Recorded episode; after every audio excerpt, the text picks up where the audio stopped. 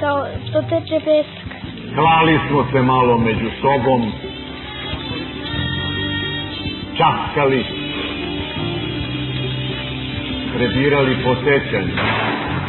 Srbi krenuli za kulturom, za civilizacijom evropskom, za modom evropskom. O, leševi srpski! Nacionalizam kod nas nije isto što nacionalizam u Francuskoj. Peščanik. Sad možete govoriti kao što Francuzi piju za učak vino, mi smo alkoholičari, mi ne smemo ni kap vina da pijemo. Napustimo mračni i sramni Beograd. Iza nas nerazuman lelek nedostojnih, Peščanik. ispred nas ciljevi uzvišeni, Ovde ljudi još uvek masovno misle da socijalizam nije tako reći. Može treći put vodi pravo u Afriku. Ekonomski uvek, ako hoćemo samo, onda smo na pravom putu. Iznad nas zver koja nas vodi putevima gospodnjim.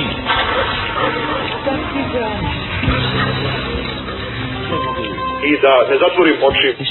Ja mogu da zamislim Srbiju kao najdinamičniju zemlju na Balkanu i jednu košnicu sa malo trutova i puno radilica. Ako ne uspemo, niko nam neće biti kriv. Dugo smo, dugo još putovali. Dakle, mi smo izgubili 5. oktobar, da tako kažem. Nepredviđeno. Na televiziji vidim da se i rezultat drugog svjetskog rata promenio. Ugleda smo u bistroj vodi naša lica Prema tome, ja očekujem da će Srbija krenuti nešto novo tek kad pobedi Turke na Kosovo. iznenada briznu smo u. Peščanik.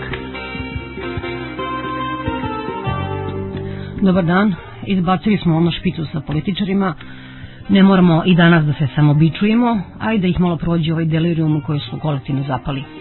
Srećom, situacijom, to jeste sobom, potpuno vlada Boris Tadić.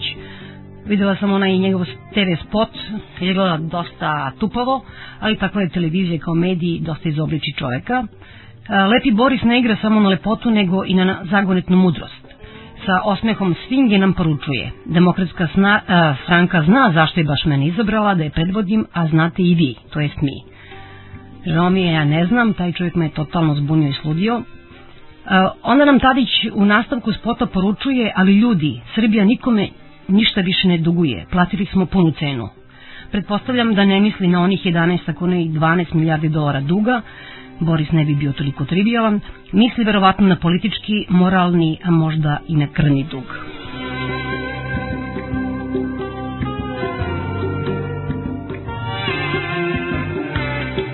Boris Tadić je u stvari dostojni naslednik Kelnera Taška Načića iz Radovana trećeg, seo je izračunao, Ajmo da vidimo šta smo imali, četiri rata, Vukovar, Srebrenicu, hladnjače, onda imamo sankcije, bombardovanje, satanizacija Srba, kad podvučeš, šta ostaje, misli, misli, lepi kelner, pišem dva, pamtim 16, zaboravim 16, ostaje dva i kad okružiš, eto nama nule. Reč je reč, kaže jedan od kostuničnih izbornih slogana. Ne verujem da je to ona poruka u smislu da je on čovek od reči, to se podrazumeva. Ono džinovsko reč više treba da nas podsjeti da je Bog rečju stvorio svet, reče Bog, nek bude svetlost i bi svetlost. A naša moralna i konstitutivna gromada će rečju stvoriti koštunični zakonik, a onda će ga po zemlji Srbiji propovedati Dejan Mihajlov, Nikola Milošević, Sanda Rašković-Ivić, za neki honorar Sanda će a, biti i najbrža. Čavoški je zauzet sa drugim problemima pa ne može da stigne, ali možda se kao dobrovoljci prijave oni silni sveštenici koji sede uz koštunicu na predizbornim skupovima. A onda se ti koštunični glasnici trčeći tako po Srbiji i sudare negde sa Labusom i Dinkićem koji opet imaju svoj zakonik, ekspertski, i da, ga dosta nemilice po Lebanu, Vranju i Bujanovcu. Dinkić je dole već čudo napravio, rešio je dugoročno problem fabrike na čvrsta goriva Alfa Plam, spojio je fabriku vode Heba iz Bujanovca sa bi vodom iz Vranja, onda otpisao dug Jumku, onda razdelio pare iz fonda za razvoj i to sve za jedan dan. I na kraju jeste garantovao je svojom ekspertskom čašću da će zaposliti 150.000 radnika samo u tekstilnoj i konfurnoj industriji. I sad je jasno šta znači na njegov slogan ekonomski patriotizam. Labus je bio u Vojvodini, čini mi se, imao je onaj dendi šal, onako nehajno zabačen, ko pravi parižanin, nisam ni da se krstio, to je rezervisano za šumadince, a nego Deli je treći član e, veličanstvene trojke e, Predrag Marković. Čujem da vođa Ruske nacional-bolševičke partije Eduard Limonov ima problema, u Moskvi hapse njegove saborce, da nije možda Marković tamo, da mu se opet nađe kao nomad na hrvatskom ratištu. Radikali su opet preživeli nesreću koju su sami izazvali. Toma Nikolić je skinuo flaster da nam pokaže rane junačke. Toma je bio bled, valjda se uplašio svoje krvi. Tuđe ga nikad nije plašila. U ostalom, nije on lično, nego su njegove dobrovoljačke garde ubijele ljude koji su svojim postojanjem prljali svetu srpsku zemlju. A sada idemo u Cesid kod Marka Blagojevića da se vratimo predizvonoj kampanji. Marko Blagojević e, nam kaže šta nam valja činiti, ima neke savete, šta nam valja činiti 28. decembra. U Srbiji je u primjeni proporcionalni izborni sistem. Srbija je jedna izborna jedinica, dakle više nema one podele kao što je bilo do 2000. na 29 ili na 9 izbornih jedinica. Čitava teritorija Srbije je jedna izborna jedinica. Cenzus je 5%. Dakle, što je odziv veći, to je i taj najmanji broj glasova veći. Dakle, tih 5% nije unapred dat broj. Dat je unapred samo procenat, a broj se traži u odnosu na broj ljudi koji su na izbore izašli. Dalje, kada se utvrdi koliko je koja stranka dobila glasova, ulazi se u postupak preraspodele broja glasova u broj mandata. Dakle, znamo koliko je koja stranka dobila glasova, da vidimo koliko će mandata dobiti. To bi bilo najbolje kada bi moglo da se uspostavi prosta proporcija, pa da se kaže toliko je ljudi izašlo na glasanje, toliko se mesta raspoređuje, stranka je dobila toliko glasova, koliko joj pripada mandata. Međutim, onda dolazimo do, recimo, situacije u kojoj stranci pripada 2,4 mandata. Mora da se nađe nekakva formula koja bi te brojeve zaokružila i to se kod nas radi putem Dontovog izbornog količnika. Dontov izborni količnik je komplikovan i to je njegova prva odlika, s jedne strane, a s druge strane takav je da favorizuje velike stranke u izbornom postupku. Dakle, što je stranka veća, to su joj i veće šanse da osvoji više nego što joj zapravo pripada. Uz pomoć Dontovog izbornog količnika, uz pomoć visokog cenzusa, kao što je kod nas, dakle cenzus od 5%, mi dolazimo u situaciju da recimo jedna stranka osvoji 20% glasova, a da u Skupštini ima 25% od ukupnog broja mandata. I sve to na štetu, kao prvo, stranaka koje nisu osvojile 5%, a zatim i na štetu stranaka koje jesu prešle cenzus, ali su osvojile opet mali broj glasova. Dakle, mehanizam je prosto takav. Veće stranke prolaze bolje, manje stranke prolaze lošije i to je prostim rečima rečeno najozbiljnija mana našeg izbornog sistema. Smatram izuzetnim problemom ovih izbora da se u postojećem izbornom zakonodavstvu ne nalazi odredba koja bi omogućila pozitivnu diskriminaciju stranaka nacionalnih manjina. To je izuzetan problem koji se čini još većim kada, mu kada uzmemo u obzir mogući ishod izbora. Zašto? Zato što ukoliko ja kao glasač demokratske nekakve opcije glasam za stranku nacionalnih, nacionalne manjine i ta koalicija čiji je član stranka nacionalne manjine ne pređe cenzus, moguće je da će oni mandati koji bi originalno pripadali toj stranci pripasti Srpskoj radikalnoj stranci.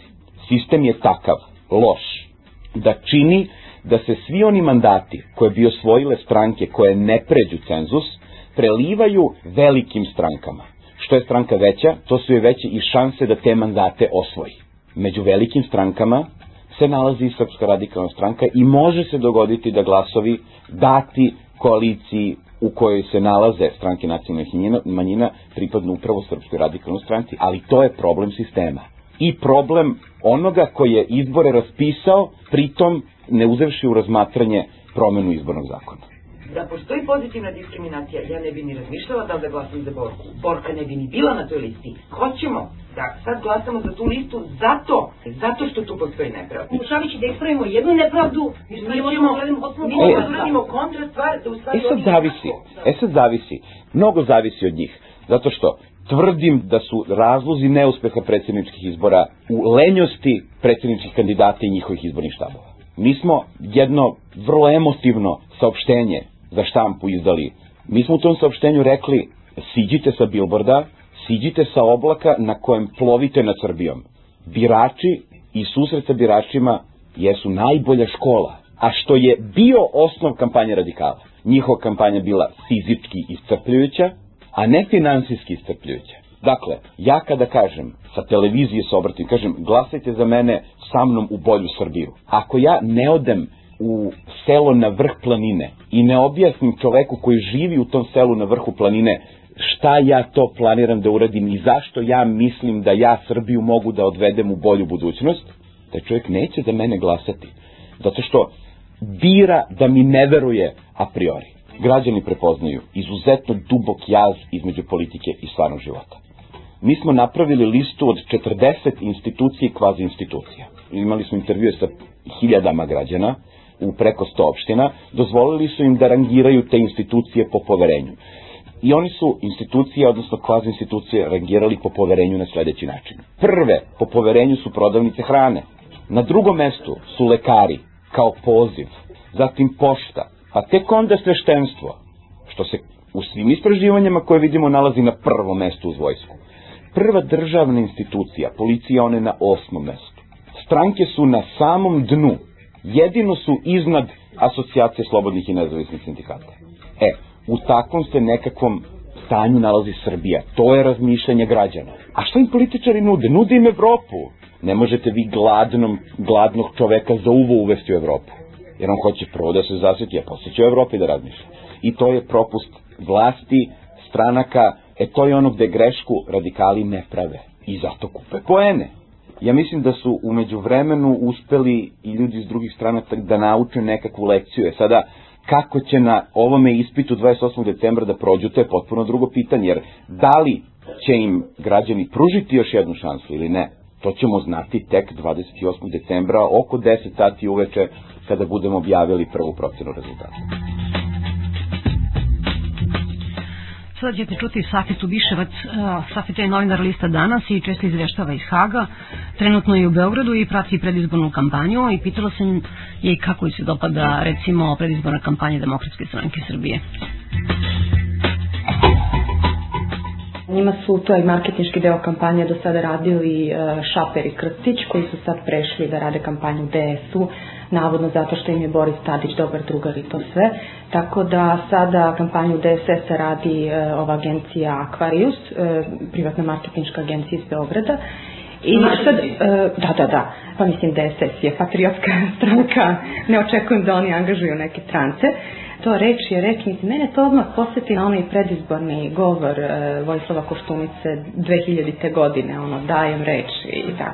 I onda sad kad se vidi to, dajem reč, pa se e, proanalizira šta je on sve tada obećao, šta je ispunio, jer mislim ako govorimo o tome šta je ispunio DS, možemo i da govorimo o tome šta je ispunio DSS, e, onda je tu sad pitanje koliko je pametno što je njegov izborni slogan reč je reč. Samo ono pitanje nacionalnih manjina. Svako želi malo da ju ušićari na račun nacionalnih manjina. Eto, DS je na svoju listu stavila dva bošnjaka, Batić je našao, ne znam, silne pripadnike nacionalnih manjina. Oni nisu, znači, izmenili zakon da bi jednostavno privukli to biračko telo. Ali za mene tu jedino bilo iznenađenje to što je demokratska stranka na svoju listu stavila dva predstavnika lice za je Sulejman Ugljanin. Jer mislim da je to nešto što može da izazove e, srpsko biračko telo u Sandžaku koje je onako veoma, veoma radikalno. A posle ovoga mislim da će svi Srbi glasati za Srpsku radikalnu stranku.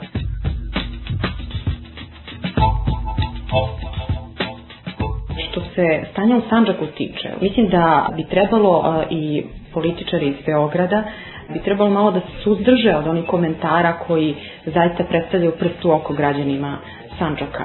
Mislim tu pre svega na Vuka Draškovića koji je pre neki dan ponovio onu svoju legendarnu izjavu da će ako dođe, ako, ako treba i ako dođe na vlast, seći ruke svima koji nose turske barijake po zemlji Srbiji on time možda može da dobije nekakve poene kod građana srpske nacionalnosti, ali dugoročno gledano njemu to ništa, ništa zaista nije mu potrebno. On je to 90. rekao ovaj, u ono, predizbornoj kampanji kad je bio skup SPO kod Petrove crkve. On je tada okupljenim građanima rekao da ako po zemlji Srbiji neko nosi turski barijak, ostaće i bez barijaka i bez ruke, što je onda izazvalo ovaj, ono, tuču između građana srpske i bošnjičke nacionalnosti neku godinu kasnije, znači po početku rata u Bosni i Hercegovini. Vuk Drašković je promenio priču i odjednom su i on i njegova žena Danica postali veliki prijatelji muslimana. E sad se ponovo vraća toj nacionalističkoj politici. Ja kažem zaista ne vidim čemu to vodi.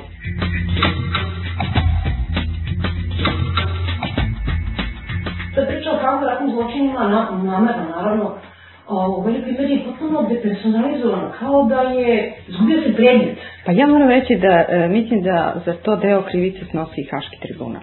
Mislim, ja zaista ne spadam u onu e, grupu građana Srbije koji misle da je Haški tribunal antisrpska institucija, da je to deo političke zavere protiv Srbije i srpskog naroda, ali s druge strane, pošto sam e, ja baš zaista dosta puta bila u Haškom tribunalu i izveštavala se suđenja. Bila sam neka dva, tri dana pre nego što je Milošević izručen.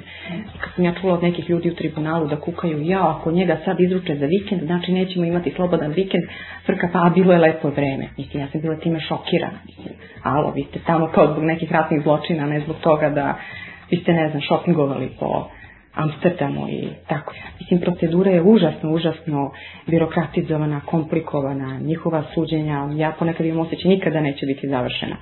Ni vlast dosta, a ni Haški tribunal nisu uspeli u jednome da ovde pokrenu pitanje, te priče o ratnim zločinima, ali onome što se stvarno dešavalo. Posto toga to nije odgovaralo ni opoziciji, ali ne treba zaboraviti da je bilo, e, bilo nekih perioda tokom rata u Bosni kada se Milošević daleko ozbiljnije distancirao od Radovana Karadžića nego pojedini srpski političari. Mislim, čak i demokratska stranka. Kraju rat, da li si bilo priličine da budeš bliže tih mesta? Ne, ne, tada sam radila za našu borbu. Uh, trebalo da idem u Banja Luku, ali sam ja onda rekla, mislim, ja da idem u Banja Luku u kojoj je pobijeno toliko muslimana i proterano i sad ja dolazim kao muslimanka iz Beograda. Nije, nije to bilo mesto za mene. Ja sam posle rata ovaj, obišla i veći deo i Hrvatske i Bosne, na Kosovu nikada nisam bila. I naravno da je jezivo ono što sam videla i da sam još tokom rata bila, mislim da bi to bilo grozno. Ja kažem, pre svega ja sam gledala da sebe sačuvam baš zbog svoje nacionalne pripadnosti i zbog političkog upredeljenja, sam ja naravno uvek bila protiv toga. Na kraju da se pitam Safita, sad ovi izbori koji nekako su, čega se ti najviše plašiš u stvari, da, da možeš u stvari kod sebe da negde identifikuješ da te strah? Pravo da ti kažem i mene je najviše strah od pobede Srpske radikalne stranke. Nadam se da se to neće desiti, tačnije da oni ipak neće osvojiti apsolutnu vlast, ali pitanje je šta će se desiti na sledećim izborima. Mislim, ako neko misli da će mu problemi biti rešeni time što će glasati za Srpsku radikalnu stranku i ako iko veruje u to da su oni kao sad postali nešto ono kao malo liberalni pa kao nisu fašisti pa nisu šovinisti pa mislim taj čovjek treba da ide na pregled mozga mislim. Mnogi sam čula da ovaj, sad kao opet gledaju pasoš i pakuju kofere ako radikali dođu na vlast i to. Još uvijek ne mogu da zamislim situaciju da oni dođu na vlast. Jel? I nadam se, nadam se da se, da se to ne, neće desiti i da ćemo ipak svi ostati ovdje. Bilo je ovo Safita Biševaca, sada slušate Vajara Mrđana Bajića. Stalno smo se ponadali da smo digli ruke, mislim, od svega toga smo počeli da mislimo o nekim normalnim temama kao normalni ljudi, odnosno periferno da mislimo o politici, a onda se opet ta pandurina kutija televizora otvorio se opet tim likovima koji postoje valjda samo u medijskoj realnosti, ovako ne postoje, koji su nam opet uronili u život i sad mi moramo da se naravno opredelimo i odlučimo u odnosu na, na tu ogromnu lepezu likova koji, o kojima inače ne bismo mislili ni 3 sekunde. Opeš kad pomisliš koliko ovaj, naša država mora da je bogata kad sad recimo finansira kampanju Paroškog ili Vuka Obradovića ili Paukovića, koji će, mislim, čim to sad kao potroše malo da odu u Holandiju ili gde god. Ne samo to, nego sad to vreme koji ljudi moji si moraju da utroše misleći o tome, mislim, radne sate ljudi koji tu sede umesto da, mislim, rade nešto konkretno, umesto da se bave dobrotvornim radom. Pogotovo me potresa što je, kako kažem, nekako situacija takva da sam opet dosta zabrinut, uključiš i slučajno ovaj kongres, moram da naglasim to slučajno, radikala, mislim, ovo ponovno pogleda u fioku gde mi stoji pasoš i pomislio kako bi ja sad to nešto vizu organizovao, ako bi bilo i tako. Mislim, prosto se zaledi opet ta količina nekakve paši jasnoće, ne sumnje ni u šta, odlučnosti da se, da se vlada, da se ono sprovede to što se zamislilo.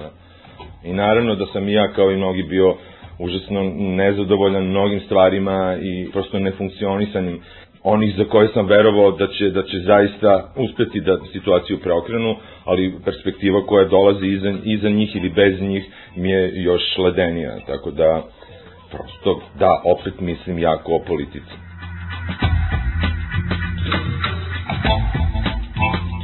Kao da se ništa nije desilo, svi pričaju kao da nije bio rat. Kao možemo sve iz početka. I šta nas briga što ovi sad kažu stvarno nije u redu ljudi što su haške optuženici na, na, na listi. Odjednom ponovo smo sami i ništa nas ne zanima. Mene prosto s druge strane užasavaju kad počne to kao nevini građani koji sad ničim nisu zadovoljni, kao da je nestalo onih 5 miliona ljudi koji glasaju za slobu. Kao da su nestali oni milioni ljudi koji nisu hteli kupuju slovenačke proizvode koji su vikali Hrvati i Ustaše. Prosto, ako smo krkali sa te trpeze nacionalizma, mislim, pa sad je došao račun da se to plati. Mislim, juče sam ponovo čuo tu čuvenu rečenicu Mladića, ožežite po predsedništvu punom snagom, a onda jednu drugu koju stvari nisam zapazio koja glasi kao tamo nema mnogo srpskog življa. Sad vi shvatite da on uopšte nema problem da bombarduje taj živalj, odnosno te civile. Da on kao veliki srbin i veliki srpski general nema problema da bombarduje neki srpski živalj, jer ima ga za Boga sasvim malo, mislim.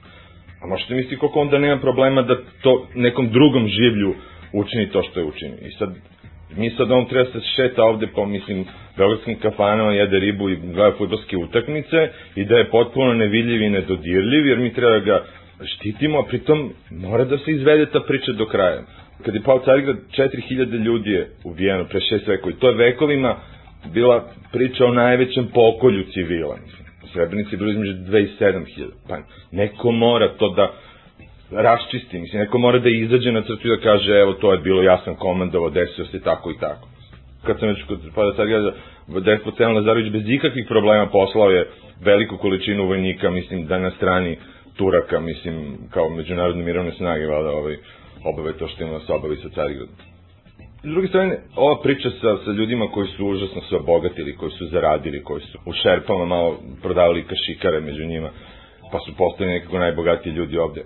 Mislim, ne bi imamo čak problema da se sad kaže, ajmo sad ovako, ko je sad do sad krao, krao je, šta se nakrao, njegovo je, nema više. Ali pa mora neko kaže sad, nema više. Ali s druge strane, to sa zločinima, pa to nekako ne može se zaboraviti. Prosto ne može.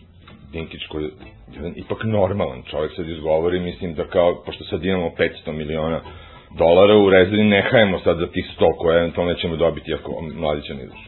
Pa ako su bi zaista bili potpuno pre, ako bi verovali to, pa stvarno da kažem, ajde, mislim, preživećemo i bez tih 100 miliona. Ali nije problem u tome, problem je u tome što to neko mora da, da razresi šta se dogodilo u tom gradu, gde su nestali ti ljudi da biste onda imali puno pravo da kažete, izvinite prijatelji iz Hrvatske, zašto vi više brinete o vevericama u vašoj zemlji nego o ljudima, o pola miliona ljudi koji ste isterali, da biste imali pravo da kažete, izvinite, dole na Kosovu ne može to tako, moraju ti ljudi da se vrate, mora da im se da puno pravo, šta god, mislim, prosto to ne može da se pravimo sad, ništa nije bilo, da vidimo sad šta, je, šta se sad događa. Upatim sebe ponekad kada desi nešto dole na Kosovu, nije da se prećuti, nego eto, ubili su još jednog čoveka na njivi i tako.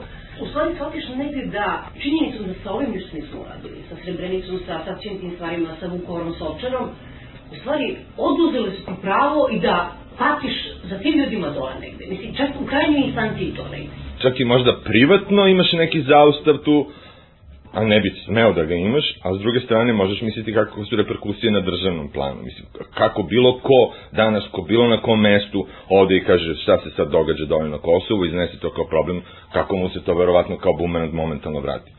Tokom 40. 50. i 60. godina u, u odnosu na Nemačku, mislim, iako je u Drezdenu i u mnogim gradovima bilo nevinih žrtava od strane saveznika, mislim, niko o tome baš nije jako govorio, jer je postojala neka ideja o tome da je nešto prouzrokovalo te događaje. Menja se pejzaž grada. I ima jedna količina, ono, kako kažem, te prosvećene tiranije pomalo, koje tu ipak funkcioniše. Vidite ovo priča sa Parkinzima, mislim, svi su ono kukali, psovali, a nekako su, nekako su to na kraju ipak progutali, to je na kraju jedna sasvim obična stvar, pa mislim, ne možete se parkirati u, ni u jednom gradu gde god vam padne na pamet. I prosto, nekako imam neko osjećanje da tako bi nekako moralo ovde, mislim, a daleko da agitujem opet za, za tu priču, ali nekako se stvari, jedine stvari koje se promene su na silu pomalo promene. I onda se ljudi nekako uvežbaju da poštuju ta pravila. A s druge strane, evo samo još jedan dokaz prosvećene tiranije. Lothar Mateus.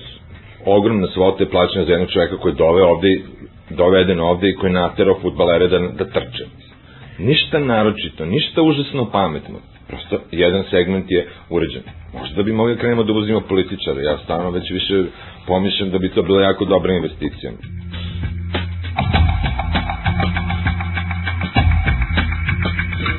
Zamislite da ste sad mađar u ovoj zemlji i da morate da glasate za kasu. Izvinjam se, ja ne bi volao da moram da glasam ni za koga, pa ni za njega.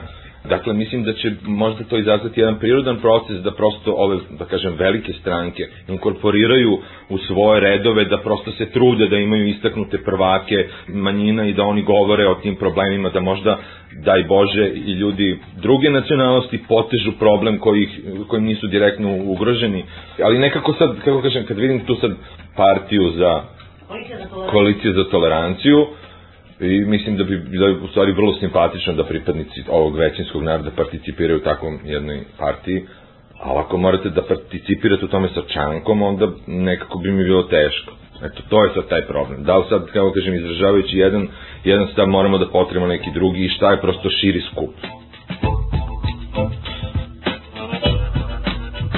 Već sam u novostima video fotografiju, znači na kome na otvaranju izložbe gospodina Bate Mihajlovića, na kojoj zajedno stoje gospodin Koštunica, koji je i pisao predgovor za kako piše tamo u tekstu za e, izložbu Bate Mihajlovića, pošto se vratno neviđeno razume u slikarstvo. Pored njega stoji Dobrica Ćosić, a pored njega Bogoljub Karić, Bogoljub Karić, prvi put vidio sam ga na televiziji, ali, ali prvi put bez brkova, ga vidim na fotografiji. I moram da revidiram, kako žem, ideju o njemu, jer on je čovjek u stanju da skine brkove zbog evropskog imidža ipak je to jedna vrsta emancipacije, mislim, odnosno jedan trud da se funkcioniše u svetu u kome živimo. E sad, s druge strane, je on u stvari tim gestom kojim deklarativno hoće da pokaže neodvajanje od, od, od sveta u kome funkcioniše, on je uradio ono što mi ne treba da uradimo. On je žrtvovao svoj identitet. Mislim, pošto on bez brkova nije više Bogoljub Karić. I sad, tu je ta kolizija kako funkcionisati u okružju velikog sveta. I za mene su ti brkovi, mislim, nekako simbol toga kako bi se mi možda ipak trebali potruditi da mimo tih uzusa koji nam se naravno i nameću, i koji da nam se ne nameću ne bi ni prihvatili, kako nekako bi bilo najbolje ako bi moglo da nekako sačuvamo ono što je, što je dobro, što je naše, što je posebno, a pritom usvojimo ono što je civilizacijski, momentalni civilizacijski kod. Ja bi više volao da je on ostavio brkove, a da je recimo učinjen drugi gest, da je radi jednu ogromnu donaciju iza koga ne mora da stoji njegov logor. Da se pribere u odnosu na to odakle i da, mislim, jedan ogroman deo svog bogatstva, bez koga baš i može, mislim, verovatno, da prosto bezuslovno, bez ikakvih marketničkih gestova, tajno pokloni, mislim, možda to je uradio čovjek, sam mi ne znam ono što je problem što nam je nekako oduzeto, evo sad mi moramo se izvinjamo jedno drugom, oduzeto nam je pravo na nekakvu vrstu patriotizma, neku vrstu lokal patriotizma, neku vrstu, kažemo, osjećanja nekakvog posebnosti, nekog, nekog identiteta i čak to mnogo bolje vidimo kad negde odemo drugde. Mislim, moram da budem strašno obazilj kada ovo govorim, zato što je to užasno zlopotrebljavana stvar, ali s druge strane, ne bi da budem toliko obazilj da ne smijem o tome da govorim, a da neko drugi kapitalizuje stalno tu priču. Rekao da si bacio pogled u fioku za ono, ima nešto što ne bi mogo da podneseš? Da ozbiljno uzeš li pasoš u ruke. Pre svega ulazak radikala sada u, u vladu. To bi mi zaista bio ozbiljno. Mislim, prosto, mislim da toliko svako mora, da, mislim, da učini se, sebi da ne doživi ovo što smo mi doživi zadnjih da ne doživi dva puta u toku svog života. Mislim, to bi stvarno bio neki minimum pristojnosti u odnosu na i samopoštovanja. Mislim, ovog puta kad bi odlazio, otišao bi sa jednim velikim osjećanjem poraza i sa jednim velikim osjećanjem da i ja nisam sposoban da bilo šta uradim. I zato me hvata još jedna e, strašna misao, a to je da recimo sad ovaj period od 2000. do 2003. godine za koje smo, dok je trajao, imali ono užasan niz primetbi i tako dalje, bojim se samo da za par godina ne počnemo da ga se sećamo sa nekim osjećanjem užasnog velikog optimizma koji je, koji je tu tutnjao i kao nekih jako dobrih godina, jer te godine Ante Markovića ili početak 80-ih ili početak 70-ih, nismo u vreme liberalizma, nismo baš percipirali u to vreme kao neke užasno dobitničke godine, mislim, nego smo isto imali osjećanje da se tu nešto ruši, lomi i da nekako ništa ne valja. I tamo je pomisao da mi se to može desiti prilično prepadno.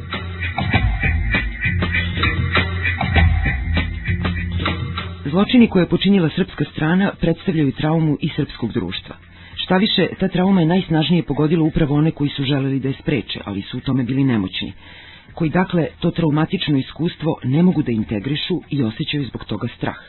Posledica ovog straha je da pojedinac živi kao da je već umro, to je njegova glavna odbrana. Kod ljudi koje srećem, uočavam tu nemogućnost da uspostave kontinuitet svog života pre sa svojim životom posle, dakle pre i posle svih tih zločina. Jer ako pogledamo unazad, istorija poslednje decenije prošlog veka za nas je isključivo istorija zločina. Čak ne istorija ratova, jer su se ti ratovi u stvari gotovo isključivo sastojali od nasilja naših naoružanih profesionalaca nad civilima. Je li Kosovo naše? Jesu li nam granice na Drini? Je li Srbija bila u ratu? Da li je Karić uspešni biznismen ili ratni profiter, a vlasnik Pinka? Je li Mladić heroj ili masovni ubica? Je li NATO zločinačka organizacija ili naša željena budućnost? Da li je 5. oktobar bio revolucija ili vojni puč? Jesu li crvene beretke elitna specijalna jedinica ili banda ratnih zločinaca? Zašto je ubijen Đinđić?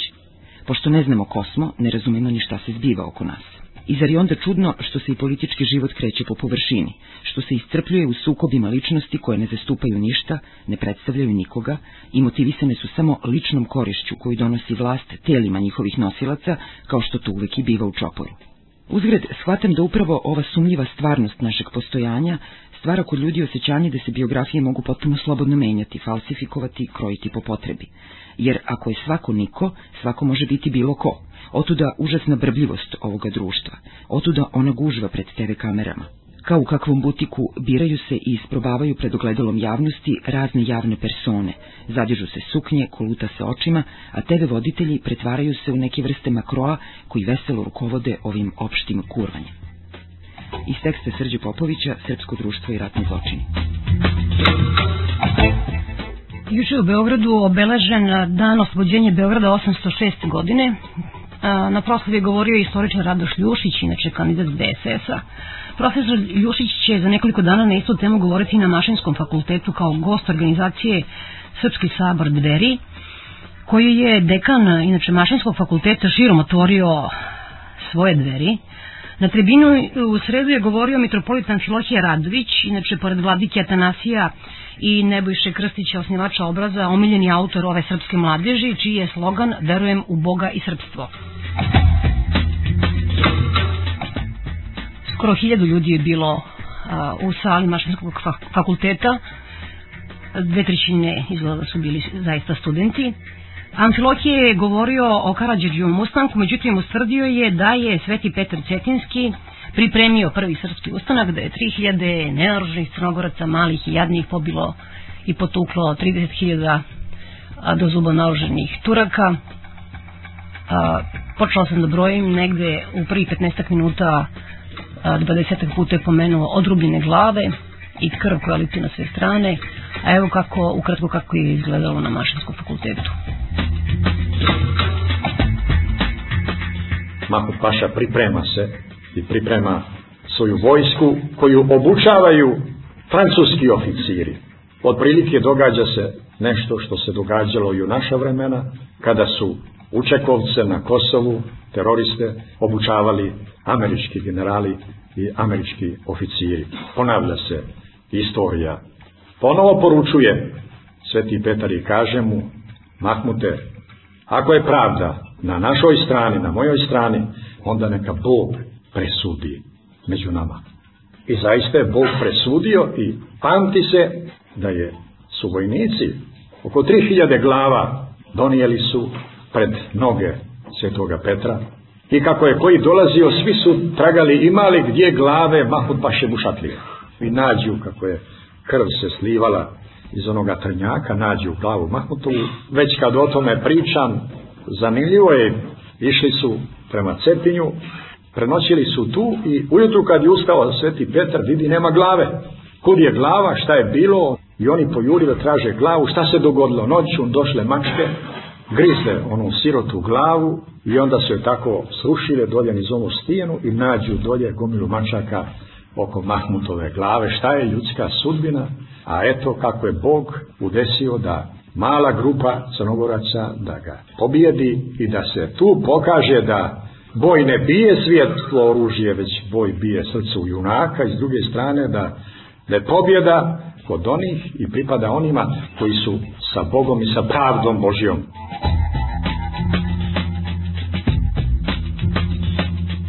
Ja obično kažem da naša istorija počiva na tri glave. Prva glava, to je glava svetog Jovana Vladimira, zetskog kralja mučenika. Druga glava jeste glava velikog mučenika Kosovskog Lazara. Treća glava, to je glava posjećena u Radovanjskom luku. Glava možda Karadžuća.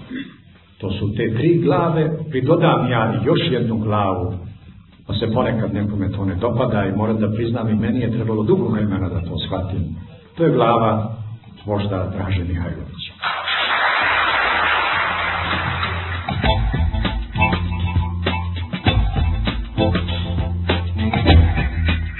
Prvo pitanje koje smo dobili, pričali su nam u školama mnogo o tome kako je vožd Karadžorđ ubio svog oca i brata. Znate, sveci nisu bezgrešni ljudi.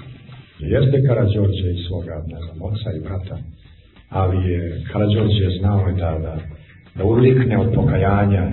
Drugo je to ubistvo, tako ubistvo, drugo je ubistvo, recimo, Nikole Kovačevića koji dođe u čistan mira i zakolje svoga oca i zato ga proglase narodnim herojom i kaže još nad mrtvim ocem, kaže, isplazio jezik.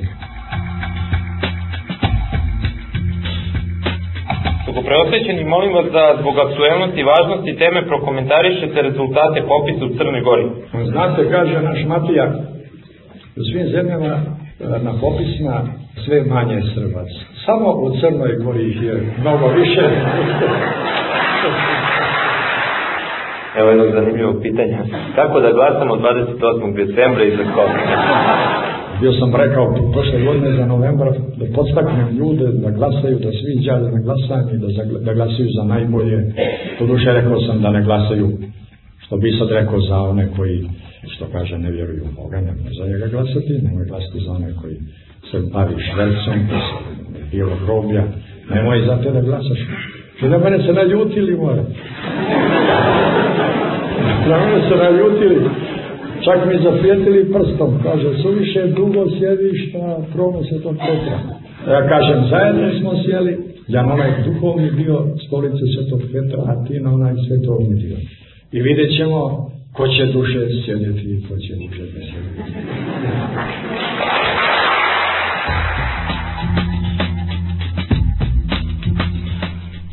To je bio čovjek koji sedi na tronu Svetog Petra Cetinskog, Amfilohije Radović, a ovih dana srećemo puno veselog mladog sveta koji misli da bi Kraljevina bila odličan marketinški potez za Srbiju i sve ih gnjavim pričom o tome koliko mraka staje u šareni paket na kome zlatnim slovima piše oltar i kruna.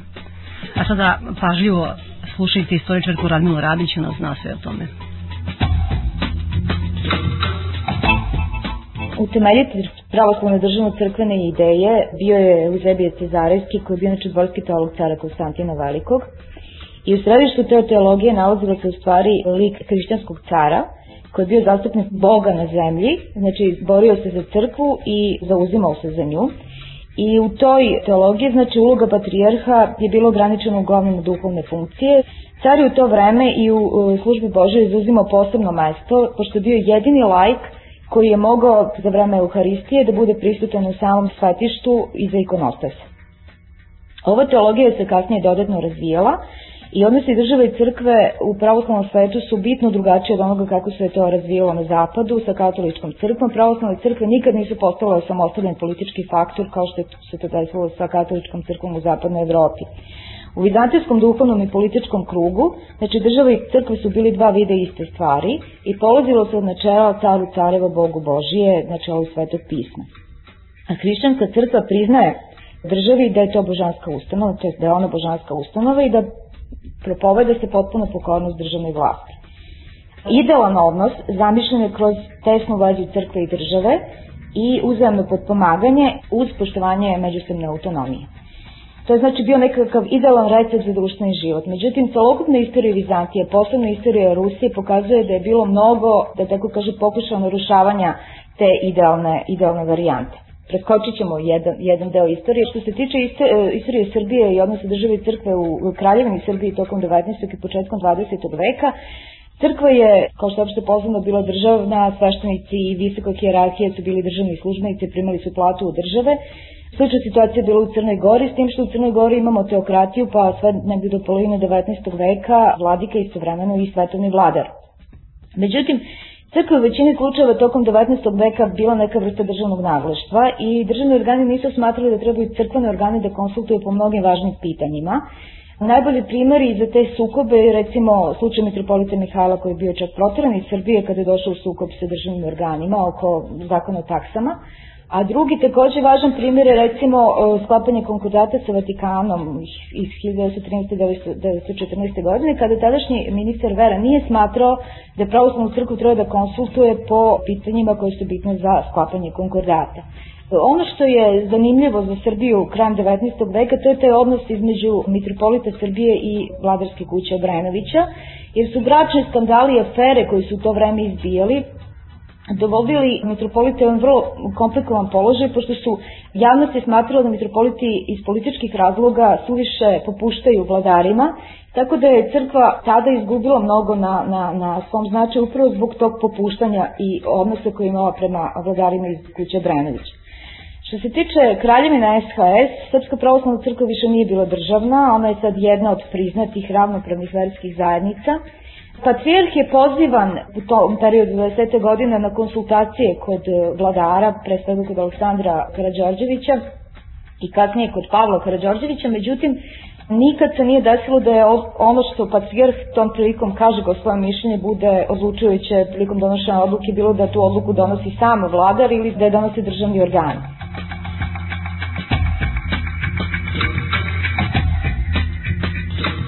Kada je Patriarh Gavrilo Dožić, koji je bio u internaciji tokom drugog svetskog rata, razgovarao jednom prilikom sa nemačkim generalom, on je rekao da, pošto je kralj odsutan iz zemlje, bilo bi normalno, obzirom da je srpski narod obezglavljen, da ga Patriarh zamenjuje.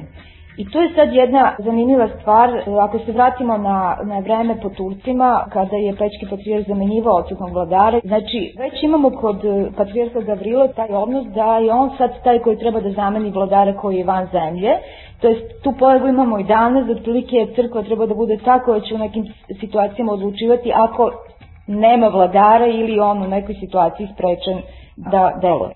Po oslobođenju Srpska pravoslavna crkva je imala silnih problema sa novim vlastima, pre svega zbog traženja novih vlasti da se prestane se pomenjanje kralja prilikom držanja e, crkvenih obreda. Srpska pravoslavna crkva se nikada nije odrekla monarhije. Ona je o odluku Avnoja iz 1943. i kasnije odluku Ustavatone skupštine smatrala jednostavnim pravnim aktima I mada nije više javno mogla da govori o monarhiji, monarhija je nešto e, što se čuvalo u samoj crkvi, na čemu su se obrazovale generacije u bogoslovskim e, školama i na bogoslovskom fakultetu. I recimo jedan primer za to je u manastiru Hilandaru na Svetoj gori visila je godinama slika kralja Aleksandra i kralja Petra II i jugoslovenski državni predstavnici koji su odlazili tamo, diplomatski koji su odlazili, posle su manastira Hilandara strašno su se nervirali zbog toga jer tu sliku nikako manastiri nisu hteli da uklone, oni nisu imali nikakve ingerencije u manastiru da ih primoraju na tako nešto.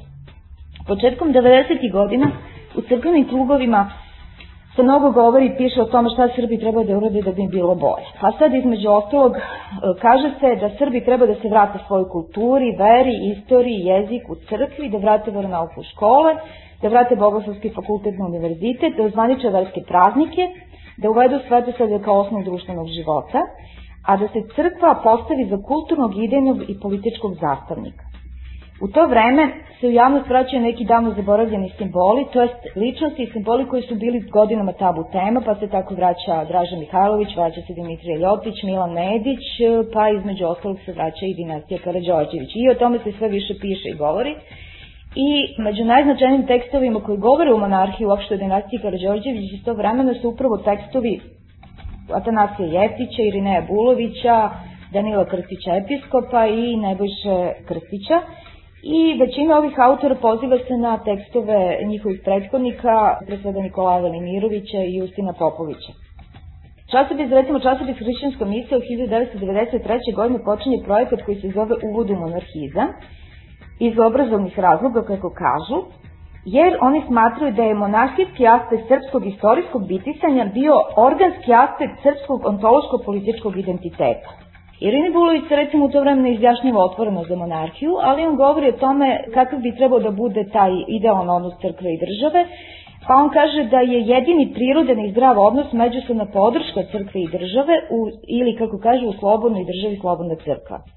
Najdalje u svemu u tom obrazlaganju potrebe povratka monarhije otišao Atanasije Jetić, koji se već početkom 90. založi za povratak dinastije Karadžođević i on piše da će crkva i država zaista biti usaglašeni i u simfoni ako državni poredak bude saborna monarhija i tu se poziva, poziva na krmčiju Svetog Sava.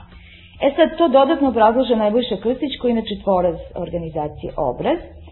Pa on, e, između ostalog, e, kaže da država prema njemu mora da bude ustrana prega, prema bogočovečanskom poredku, a domaćin u toj državi treba da bude miropomazani monarh, koga podržava patrijarh. Takav monarh treba da bude bogoslovski pismen i da svojim živim primerom pokoravanja Hristu daje primer narodu. Kao najbolji primer odnosa dveju vlasti navodi se Boglovi Orao, gde je s jedne strane znači miropomazani monarh, a sa druge strane hirotonisani svaštenik, I onda se kao primer iz istorije srpskog naroda navodi primer Svetog Save i Stefana Prvovenčana. I to je neki uzor na koji se pozivaju teolozi, znači od početka 90. po danas vraćajući se jeli, na nekakvu istoriju, istoriju Vizantije i tako da istoriju srpskog naroda u prošlosti. Ja sam tu navela šta oni traže 90. i konkretno, većina toga je ispunjena. Znači, ostala monarhija, povratak imovine i otprilike to je to. Onda bi od tih zahteva koje je crkva tražila tada sve bilo zadovoljeno. I ima još ovaj jedan oko povratka bogoslovskog fakulteta u sastavu univerziteta, što je isto u nekakvoj proceduri, ali koliko, koliko znam. Tako da faktički sve to što je crkva tražila, ona će i dobiti. Vi danas u Grčkoj imate snažan utjecaj Grčke pravoslavne crkve, u Rumuniji je toliko snažan utjecaj Rumunske pravoslavne crkve da tamo recimo uopšte nema istraživanja koje se bave tom crkvom, jer crkva to ne dozvoljava, prosto je svako ko tako nešto pokuša sputa. Da ne govorimo o Ruskoj pravoslavnoj crkvi koja takođe ima snažan utjecaj u Rusiji, dobre odnose sa vlastima, recimo Jelcini i, i Patrijer su bili u izvanrednim odnosima, Tako da, Srpska pravoslavna crkva otprilike ovde još uvek nema te utice koje bi ona želela da ima na, pre svega nosioce e, državnih vlasti. Ali ono što je karakteristično za Srpsku pravoslavnu crkvu, to je njega finansijska nesamostalnost i zavisnost od državnih organa. I to je tako bilo od 19. veka, a posebno od obnavljanja Srpske pravoslavne crkve i ujedinjenja 1919 jer je ona večito zavisila od pomoći državnih organa. Ona nije mogla da funkcioniše iz svojih izvora finansiranje kao što je to recimo slučaj sa katoličkom crkvom, zato jer vi u pravoslavnoj crkvi imate ženjene sveštenike koji moraju da misle na svoje porodice, što je jako bitan moment. To je 45. dovolo do toga da je crkva sarađivala sa državnim organima, iako je bila protiv te ideologije, jer prosto nije mogla na drugi način da funkcioniše. I onda je bila priča treba preživeti. Sad je u ovom trenutku situacija malo nejasna. Srpska pravoslavna crkva pokušava na neke načine da vrši nekakav uticaj onoliko koliko to preko određenih političkih partija, koliko je to njoj dopušteno, ali e, idealan odnos bi bio takav da crkva zaista postane tu nekakav, kako kažu, zastavnik koji će biti poštovan, koji će biti zaštićen od nekakvog vladara koji će tu sedeti, koji će računati na to da je ona jedna neprikosnovana, koji će zaštititi roditelje sekti od prozelitizma, od raznih drugih stvari koje ona smatra da su negativne i koji će garantovati stabilnost i nekakav razvoj unutar te države. To po njihovom shvatanju može samo monarh. Znači monarh je stalan, on se bira sada za jeli, ili kruniše sada i on će trajati i dok on traje, crkva je osigurana na neki način. Ovo menjanje vlasti svake četiri ili tri godine, pet godina, stavlja crkvu vrlo nezgodnu situaciju, jer svaki put mora da odmerava šta će sad biti, da li će dobiti pomoć od države, da li će se ispuniti neki njeni zahtjev ili neće. Oni smatruju ako dođe monarh, on će im garantovati nešto i to će biti trajno. Mislim, za mene je to logičan odnos crkve prema ovom pitanju monarhije. Postoji velika razlika u tome stepenu religioznosti između Rusa, Grka, Srba ili Rumuna. Srbi u prošlosti nisu bili pretjerano religiozni svet i to sami crkveni velikodostojnici koji su pisali o tom problemu kažu da je taj stepen sekularizacije već u 19. veku duboko zahvatio ne samo stanovništvo, nego i samo sveštenstvo. Pa imate veliki procenat recimo komunista među sveštenicima između dva svetska rata. Sami sveštenici pišu da je kafana uvek bila zanimljivija za Srba nego crkva i da je više bilo u kafani nedeljom i praznicima nego što je bilo u crkvi. I ta priča kako su komunisti u stvari doveli do sekularizacije jeste samo delimično tačna. Vi ne možete ako vernik nije savestan, ako ne ide redovno u crkvu, ako ne daje prilogi za crkvu, vi ne možete očekivati da, ta, da to crkveno ustrojstvo funkcioniše normalno. A pošto to Srbiji nikad nije bio slučaj, pa evo nije ni danas još uvek, Crkva mora na nešto da se osloni, a to nešto može da bude samo država, jer su velike sredstva potrebne da se taj crkveni organizam održava. Kažu recimo za Aleksandra Karadžođevića da je bio izuzetno religijezan čovjek. Međutim, iz onoga što ja znam, on nije nikad ozbiljno uzimao u obzir to. On je poštovao izuzetno patrijarha Varnavu Rosića, koji je 37. godine umro, on je izabran 30. i 37. umro. Poštovao ga lično, konsultovao se sa njim, Ali ja ne znam jedan slučaj da je crkveno stanovište preovladalo.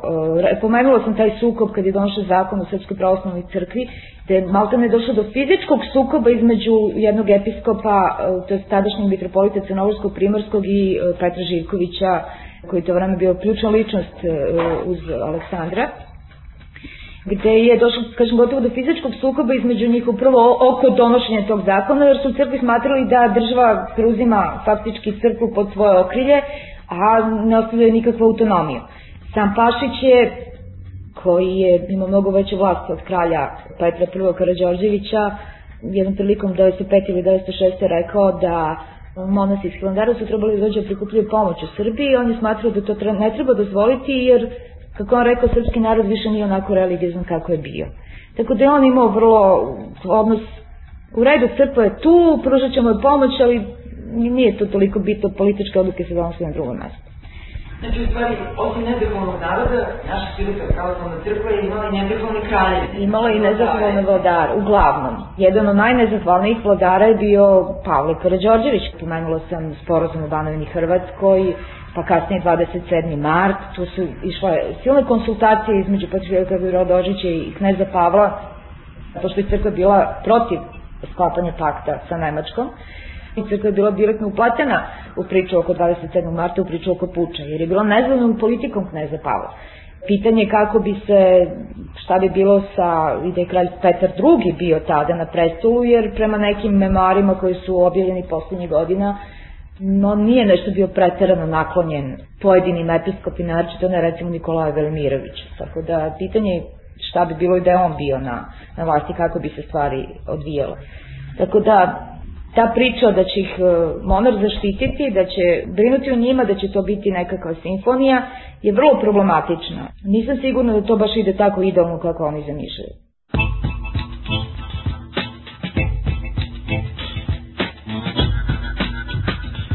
Čuje se malo čas od Radmile da a, nije bilo baš nešto mnogo ljubavi između kneza Pavla Karadžođevića i vladika Srpske pravoslavne crkve. Ne znam da li ste videli ovih dana vest da je Jelisaveta Karadžorđević opet molila Srpsku pravoslavnu crkvu da je da blagoslov da oc, o, kosti svoga oca, kneza Pavla, prebaci iz inostranstva u porodičnu grobnicu u Topoli i od crkve nije stigla ni pisma, ni razglednice. Crkva dugo pamti. A ovo je bio Peščanik. Hvala što ste bili sa nama. Ratko Ristić je radio montažu, Marko Peranović realizaciju, a Svetlana Vuković i Svetlana Lukić su napravili ovu emisiju Peščanika. Prijetno. Peščanik.